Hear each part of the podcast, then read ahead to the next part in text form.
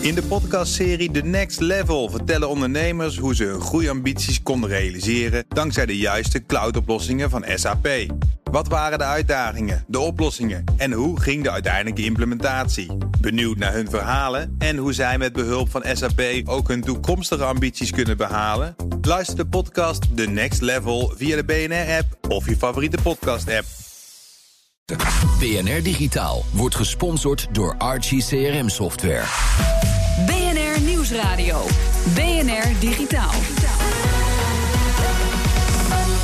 Herbert Blankenstein. Naast de Pixel-telefoon, die volgens sommigen veel op een iPhone lijkt, heeft Google gisteravond de Home, de Daydream View en de Google Wi-Fi aangekondigd. Die gaan we op de snijtafel leggen met Boris Boonzaaier-Vlaas van All About Phones. Mijn backup is vandaag Vincent Everts. Welkom. dank je. En we beginnen met de technieuws. Daarvoor is hier Ivan Verrips.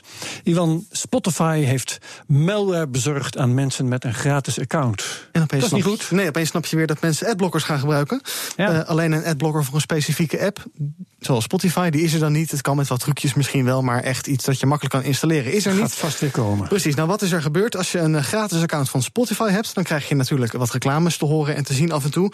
En op het supportforum van Spotify doen mensen nu hun beklag. Er zou namelijk malware zijn binnengekomen op die manier.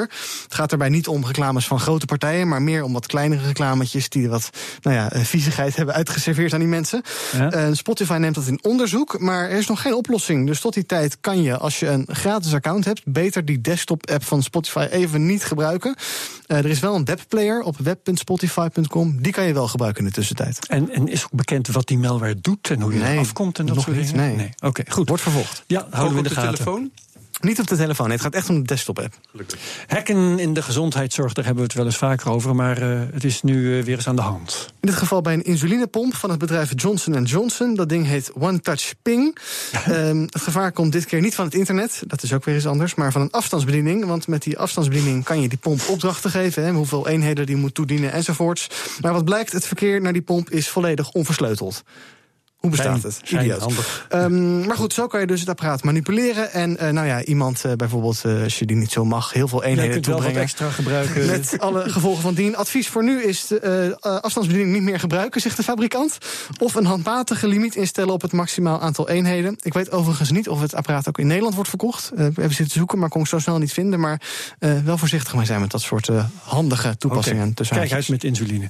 Binnenkort kun je ook bij Facebook anoniem chatten. Ja, de Facebook Messenger die kon na WhatsApp en Telegram natuurlijk niet achterblijven. En vandaar dus ook end-to-end encryptie op gesprekken via Messenger. Maar er zijn wel wat haken en ogen.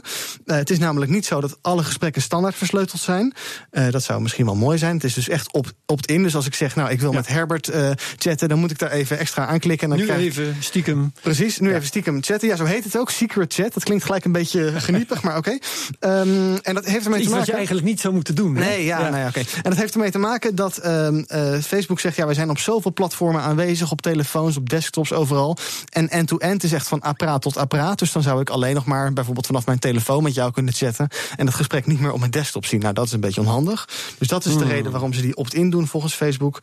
Ehm, en ze hebben net als bij eh, Telegram bijvoorbeeld ook zo'n self-destruct functie... dat ik dus berichten na een bepaalde tijd weer kan verwijderen als ik dat zou willen. Nou, het lijkt allemaal heel erg op elkaar. Maar het kan dus wel nu, eh, end-to-end encryptie bij Ja, Facebook. Facebook eh, haalt zijn achterstand in. Yes. Oké, dankjewel, Ivan. BNR Nieuwsradio. BNR Digitaal. Vergeet de Nexus. Google heeft een nieuwe telefoon, de Pixel, gisteren aangekondigd, tegelijk met een paar andere apparaten, tijdens het Made by Google Hardware Event. En dit is waarom, volgens Google zelf, die telefoon zo bijzonder is. First, Pixel is the first phone with the Google Assistant built in. Second is Pixel's terrific photography experience. Third is how we use Google Cloud so you never run out of space. Fourth is how we let people talk to each other no matter what operating system or device they use. And finally is how Pixel is made for mobile virtual reality. Oh zo, mijn gast is Boris Boonzaier-Vlaas van All About Phones. Hi. Hi, ben je onder de indruk? Eh, enerzijds wel. Ik, eh, ik heb het evenement natuurlijk bekeken met bovenmatige interesse. Want het was van tevoren al bekend dat Google echt iets, iets iets groots bekend zou maken. Nou ja, uh, in deze uh, is dat een beetje gelukt. Want ik vind, uh, vind de Pixel vind ik, vind ik op zich als telefoon vind ik het een, een prima telefoon. de camera is inderdaad heel erg goed. Die is ook gemeten door een vooraanstaande, vooraanstaande internet site die dat eigenlijk altijd meet, dat soort dingen. Ja. dus dat vind ik interessant. Maar dat, is dat nou heel bijzonder? Ja, god, dat weet ik niet. Want over een maand is er weer een telefoon. Die is nog weer beter, die is nog weer sneller. Ja, dus het spelhaasje over. En dan is het, ja, ja precies. En nou, wat, ik er, wat ik er wel interessant aan vind, uh, is dat uh, Google Assistant, zoals dat heet. Uh, en Google Assistant uh, is uh, wat je bijvoorbeeld in op een iPhone heb je Siri hè, en je hebt op, ja. op de standaard Android telefoon zit Google Now. maar Google Assistant is, is echt wat anders, want er, zit, er, zit, er zit heel erg veel kunstmatige intelligentie achter, dus echt deep learning. En het interessante. Kun je dan als ik zo. nou, stel nou dat ik, ja, stel nou dat ik bijvoorbeeld een reis wil boeken naar Mallorca. Uh, nou, nu ga ik dan, uh, open ik de applicatie van uh, nou, Booking.com of een andere app.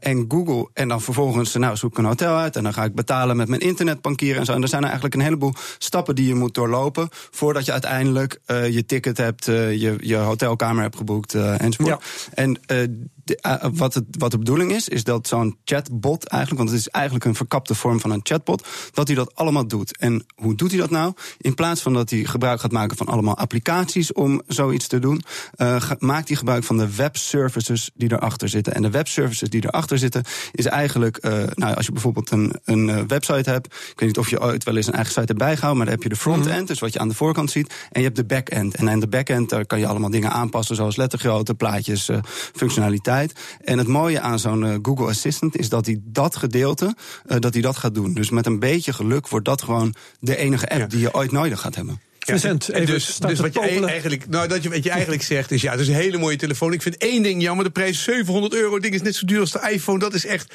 waardeloos, want de Nexus was nou juist, liet te zien dat je voor 300 euro een hele mooie telefoon had. Ja. En wat je dan ziet is dat de Assistant, dat is mhm. eigenlijk wat we allemaal gaan gebruiken op alle telefoons, ja. maakt niet uit wat. Dat is het bijzondere. Gewoon heel veel AI die slim is. En als ik nou zeg, hé, hey, waar moet ik ook alweer morgen spreken? Dat dat ding dan in mijn agenda kijkt, even op het web kijkt en dan ziet waar ik aangekondigd ben. En zegt, jij spreekt morgen bij het Mobile Health Congres. Oké, hoe laat moet ik daar dan zijn? Dan weet hij dat ik daarover praat. Dus hij is veel meer inclusief. Hij pakt niet alleen maar betalen en allerlei andere dingen erbij, maar hij is veel, meer, hij is veel meer contextgevoelig. En dat moeten we hebben. En dat is ook de kracht van Google. En niet die stomme hardware. Want ik vind het alleen maar irritant dat heel veel van die dingen dat, dat Android 7 alleen maar werkt op die Pixel-telefoon en niet op al die andere dingen. Ja, dat ben ik met je eens. Uh, dus de, de, nou ja, dat, uh, dat uh, sentiment dat echo ik ook. Ik, ik zeg, die telefoon, die is, dat is, ja, dat was ik een beetje underwhelmed, zoals dat heet. Ook al is het natuurlijk een prachtige telefoon, maar ja, het blijft gewoon... 700 euro. En 700 euro is natuurlijk een smak geld. ik heb toevallig, ja. heb ik laatst een, een Huawei-telefoon gereviewd, die heel weinig in marketing hebben gestoken. Meer waar voor je geld, waarschijnlijk. Gewoon voor de, voor de helft van de prijs. Ja. Dus uiteindelijk zie je dat, eh, dat zie je bij, eh, bij Samsung bijvoorbeeld ook. Hè, want jij noemt uh, nu Apple, maar bijvoorbeeld Samsung heeft dat ook. Hè, die maken telefoons en dan het gros van, het, van de prijs. Dat is gewoon marketingbudget, want je moet mensen. Oh je betaalt het zelf. En ik denk dat. Lekker naar de Chinezen. Ja, en ik denk dat, dat Google daar inderdaad gewoon een steek heeft laten vallen. Want zoals je inderdaad zegt, Nexus-toestellen die waren vaak redelijk geprijsd en, en goede hoogwaardige specificaties. de, de Pixel-lijn lijkt dat toch een beetje achter zich te gaan laten. En zeker als je even puur op de telefoon richt. Uh, de normale heeft ook maar een 1080p scherm. Dus het is allemaal Mm, net niet. Maar er was nog veel meer stomme hardware om even in Vincent's woorden te nee, blijven. Leuke, er is ook echt leuke hardware. Er is ook leuke, echt hele goede Misschien bijvoorbeeld de, de virtual reality, de Google Daydream View. Yes. Uh, de Google Daydream. Overwhelmed of underwhelmed? Uh, overwhelmed. Ja, ja, ja. vertel. Leg uit. Uh, het, is een, het is een virtual reality headset zoals je er wel meer hebt op het moment. namelijk een virtual reality headset waar je je telefoon in klikt. en dat, die telefoon die, die dient eigenlijk als, als schermen. maar wat ik mooi vind aan deze... Dat hij niet meer van karton is. Hij, nee, want je had inderdaad eerst dat je dat Google Cardboard... dat kon je in elkaar vouwen en dan... dat was echt een kennismakings, kennismakingsdingetje. Nou, deze is wel iets prijziger. Volgens mij gaat die 79... 69 dollar. Oh, 69 dollar. Nou, kijk dat is goed te doen. Dat is goed te doen. je krijgt een afstandsbediening bij, wat heel erg prettig is. die niet alleen waar, je, waar je met je vinger kan bedienen... maar die ook gestures herkent. Dus je kan ook gebaren, je kan wijzen. Dus je kan ook redelijk goed inter, interactie hebben echt met de wereld om je heen. wat Google ook goed heeft gedaan, is dat ze een vijftigtal applicaties al meteen hebben aangesloten. Dus ik kan Netflix erop kijken, ik kan YouTube erop kijken, allemaal andere dingen. En daar is Google natuurlijk heer en meester in. Want ja, die heeft gewoon dat Android besturingssysteem. Dus ja, elk, elk bedrijf staat eigenlijk te popelen om daarbij aan de slag te gaan. En heeft maar één nadeel? Oké, ik wil hem horen. maar één nadeel. Het is een briljant ding. Het werkt alleen op de Pixel. Oh, dus je moet dan wel weer zo'n 700 euro uitgeven. Ja, het werkt nu alleen op de Pixel. Nu alleen op de dus dat is, uh, dat is uh, iets waar, waar Google ook al, ook al heeft aangegeven. Van, nou ja, voorlopig uh, is het alleen op de Pixel verkrijgbaar. En ik snap dat ook wel, want dat is ook veel een meerwaarde om zo'n telefoon dan te kopen, weet je wel. Dus ik denk dat ze een beetje een head start hebben. Dat je gewoon het eerste half jaar kan je het alleen maar... ding moet maar nog even heel kort, ja. uh, moet Google zich wagen aan hardware... of moeten ze zich, zich toch houden bij wat ze heel goed kunnen, zo'n assistant bijvoorbeeld? Ja, dat is een beetje een lastige vraag. Kijk, Microsoft heeft dat natuurlijk ook gedaan. En Microsoft uh, kennen we allemaal van het Windows besturingssysteem. Maar op een gegeven moment hadden die ook uh, de Microsoft Surface. En dat is een uh, klein ja, MacBook-achtig device. En je ziet dat heel veel fabrikanten, toen de tijd waren dat de computerfabrikanten, dus Acer en dergelijke, dat die een beetje op hoge poot gingen lopen. Want die dachten, ja, wacht even, wij verkopen juist de, de hardware. Dus dat is Google nu ook een beetje aan het doen. Dankjewel. Boris Boonsheijer-Vlaas van All About Phones. Huizen Vincent Everts werd van de week ingrijpend verbouwd op naar een slimme energievoorziening. Straks. BNR Nieuwsradio. BNR Digitaal. Deze dagen zijn de eerste Powerwalls van Tesla in Nederland geplaatst. Onder andere bij Vincent Everts. Maar dat plaatsen ging niet zonder slag of stoot. Luister even mee. Ik heb een charger voor mijn oude Nissan Leaf. Krachtstroomaansluiting en een laadpaal. En alles moet verschuiven om ruimte te maken voor de Powerwall. En mijn meterkast is ook een zooitje. En ook binnen is het een drukte van belang. Zo, de gasleiding is verplaatst om ruimte te maken voor meer schakelkost. Het is een helft job om die kabels hier overheen te krijgen. De gaten moeten steeds groter gemaakt worden. En dit zijn twee smart meters die uh, gaan doorgeven hoeveel zonne-energie er komt en hoeveel het huis gebruikt. Alles zit weer keurig bij elkaar. Oké, er wordt hier in de studio al gezegd, waar kan ik het hele filmpje zien? Nou, dat staat op bnr.nl slash digitaal. Hey Vincent, eh, die Powerwall zorgt voor een efficiënter huis en een efficiënter netwerk. Maar hoe doen ze dat? Ja, nou, ik heb zonnecellen op mijn huis. En als die zonne-energie overdag wordt gebruikt, dan uh, kan, en ik heb het niet nodig, dan wordt dat in die powerwall gestopt. En dan s'avonds kan ik het er weer uithalen. En dat is zeg maar, dat wordt vooral interessant in 2019, want dan is het salderen. Dan kun je op een gegeven moment niet meer energie gratis terugleveren naar het net en gebruiken. En tot nu toe heeft dan uh, Eneco iets verzonnen. Die gaat 400 van die dingen ophangen. En die worden ook gebruikt om het netwerk een beetje te stabiliseren. Dus tijdens het uh, zon, als er veel zon is, dan worden dingen opgeladen. En als die op een gegeven moment, als het netwerk energie nodig heeft, halen ze eruit. Nou, en waarom is dat interessant? Ik betaal 4.500 euro voor dat ding.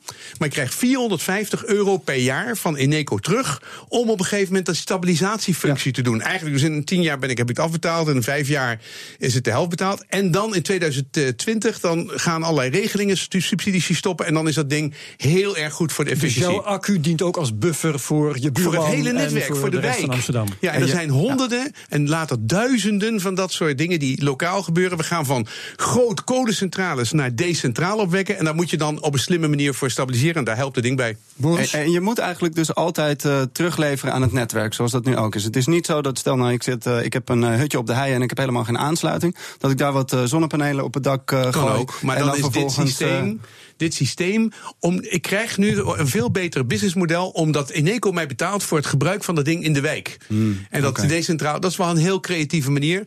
En uh, ja, dan gaan ze nu de eerste 400 gaan ze nu doen. En er zijn al 600 mensen die zich aangemeld hebben. Dus nu wordt het opeens populair dankzij zo'n slimme manier van denken. En is dat nou ook uh, hoogstaande ICT of is het wat dat betreft uh, recht voor zijn raap eigenlijk heel simpel? Nou ja, dus het is, het is batterijen, slimme batterijen en ook in de cloud allemaal dingen managen. Nee, het is echt wel een, een hoogstandje qua ja, ICT. Maar het gaat pas echt werken als iedereen zo'n accu in huis heeft. Nee, het gaat al met die 400. Hebben ze een megawatt waarmee ze dingen aan kunnen zetten. En dan heeft het al effect op het nationale netwerk. En als ze er 10.000 hebben, wat ook maar een fractie is, dan heeft het grote invloed op het hele net. Oké, dankjewel. BNR Nieuwsradio. Niet van verwarrend. Toch voor iedereen. BNR Digitaal. Herbert Blankenstein. Vaste luisteraars van deze zender of van een van de andere landelijke of regionale radiozenders zullen deze reclame vast nog wel kennen.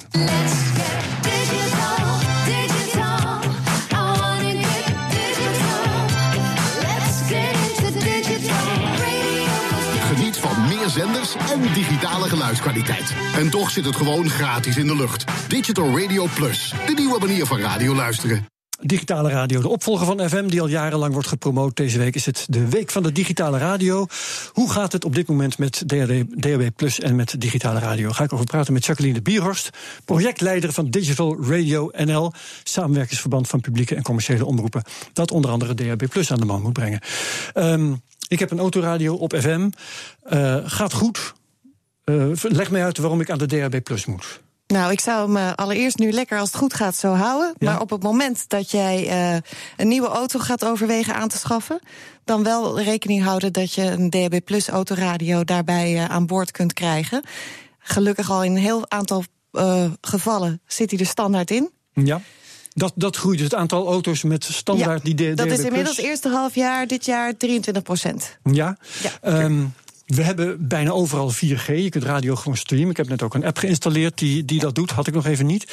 Uh, roaming hoort tot het verleden binnen afzienbare tijd. Uh, is, heeft DAB Plus nog een functie? Ja, het is um, een, een, niet een of-of situatie, maar een optelsom van mm -hmm. Uh, zeker is radio luisteren via IP natuurlijk ook een mogelijkheid. Afhankelijk van de enorme hoeveelheid hè, in de ochtend dat er uh, geluisterd wordt, kan dat tot een opstopping uh, leiden. Ja, ja, ook files op het netwerk, ja, als het ware. Bijvoorbeeld. Ja. En dat is met broadcastradio niet het geval. Nee. En um, dus we vinden wel als, uh, als radiostations dat er altijd een broadcastnetwerk moet zijn. Uh, zowel voor onszelf als radiostations, maar ook voor de luisteraar. Zodat je geen gatekeeper er per se tussen hoeft te hebben. als jij wil bepalen waar je naar wilt luisteren. Ja, je noemde cijfers over. Um uh, auto's die standaard DHB Plus aan boord hebben. Zijn er cijfers over hoeveel mensen op dit moment gebruik maken van DHB Plus? Nou, we Hoe weten niet dat? alles nog, want het is nog best wel uh, kort. Hè? We hebben eind 2013 de netwerken technisch de lucht uh, ingelaten. Dus ja. dat, uh, en we zijn in mei 2014 begonnen met de radiocommercial die je net uh, zo ongeveer hoorde. En we leven nu alweer in september of oktober is het 2016. Dus ja. we zijn een kleine twee jaar, of ruim twee jaar verder. Um, we onderzoeken wel het een en ander, maar uh, we weten dat het ook een lange adem vergt om DHB Plus ingeburgerd te krijgen. Um, in Duitsland is het al wel populair. Nou, het grappige is eigenlijk dat Nederland de snelste start kent van heel Europa rondom de introductie van DHB als je de eerste paar jaar vergelijkt van alle landen in Europa. Maar Engeland is, is al op DHB Plus over volgens mij? DHB vooral. Oh, DHB en uh, is uh, ook nog wel een aantal stations op DHB Plus. Ja. Maar de landen verschillen natuurlijk in startdatum. Er is geen touw aan vast te knopen. Hoe kan dat, dat Europa geen één lijn trekt? Nou, het komt eigenlijk doordat commerciële omroep in Nederland uh, nog begin 90 jaren niet uh, legaal was. En uh, dat is de oh. tijd waarin bij het buitenland, bijvoorbeeld Engeland, al experimenten werden gedaan met DHB Plus en DHB, sorry, met DHB. Mm -hmm. En daarop is gaan uitzenden. Toen moesten we hier eigenlijk nog vechten voor een BNR Nieuwsradio commerciële omroep dat dat mocht. En uh, ook uh, Radio 538, Sky Radio. Uh, Sky Radio was toen nog via een U-bochtconstructie. Dus uiteindelijk moesten we toen nog knokken voor de FM. En was nog digitale radio helemaal niet in vragen. Want er was nog een nee. heel ander medialandschap en een hele andere mediawet zelfs. Ja. Maar dat is, dat is een, een, bij het feit dat de meeste mensen zeggen: nou, ik, ik, heb, ik heb toch gewoon FM, wat kan het? Ja. heb je dus ook nog die situatie in Europa die heel verwarrend is? Nou ja, het is op zich niet zo verwarrend. Je ziet eigenlijk in heel Europa de digitalisering van de ether toenemen. En dat zie je in uh, bijvoorbeeld Noorwegen gaat in 2017 de FM uit. Ja. Uh, in Zwitserland gaat tussen 2020 en 20, uh, 2024 ook de FM uit.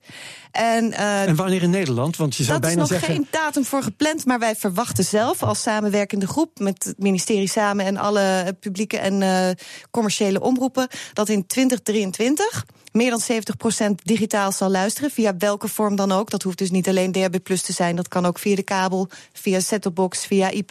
het hoeft wat jullie betreft niet per se DHB Plus te nee, zijn, nee, als, we maar, niet. als we maar digitaal luisteren. Maar ik hoorde in Zwitserland dat, nu 50% van de mensen al digitaal luistert... en in Duitsland 17%.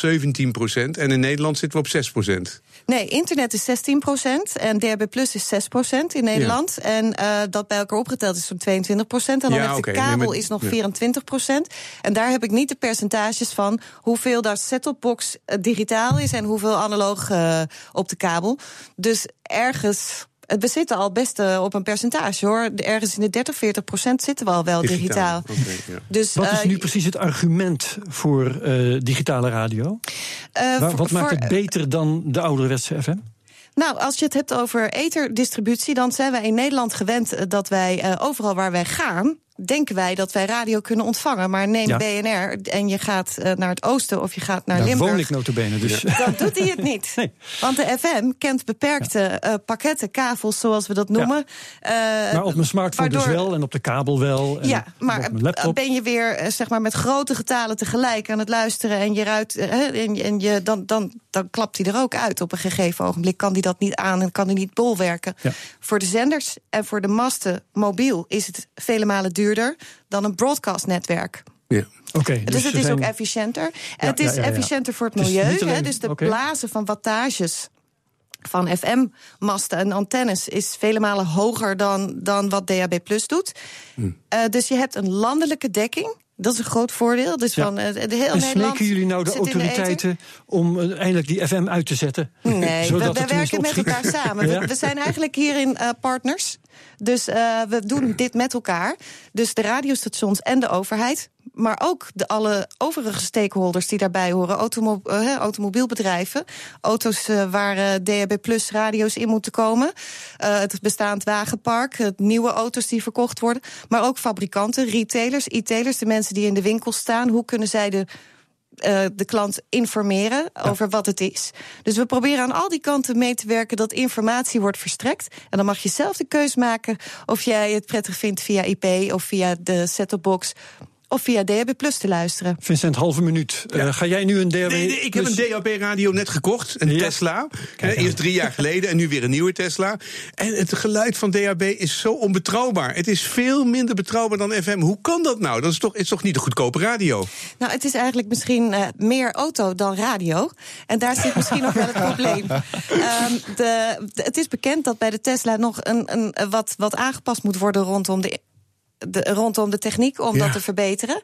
Ehm, maar ik kan wel zeggen dat de netwerk-upgrade, hè, die zet zich voort en voort. We zijn in 2013 begonnen. Inmiddels is de NPO al echt eh, met een dekking naar 94% indoor ontvangst. Dus sowieso kan het, als hij het echt niet doet, dan is er echt iets mis met de Tesla radio. Oké. Oké, dankjewel Jacqueline Bierhorst, projectleider van Digital Radio NL. Tot zover BNR Digitaal voor nu. Vincent Everts was mijn backup, ook hartelijk dank. Uitzending kun je terugluisteren via de BNR-app op bnr.nl slash digitaal en op DAB Plus natuurlijk ook. Graag tot volgende week. BNR Digitaal wordt gesponsord door Archie CRM Software. In de podcastserie The Next Level vertellen ondernemers hoe ze hun groeiambities konden realiseren dankzij de juiste cloudoplossingen van SAP. Wat waren de uitdagingen, de oplossingen en hoe ging de uiteindelijke implementatie? Benieuwd naar hun verhalen en hoe zij met behulp van SAP ook hun toekomstige ambities kunnen behalen? Luister de podcast The Next Level via de BNR-app of je favoriete podcast-app.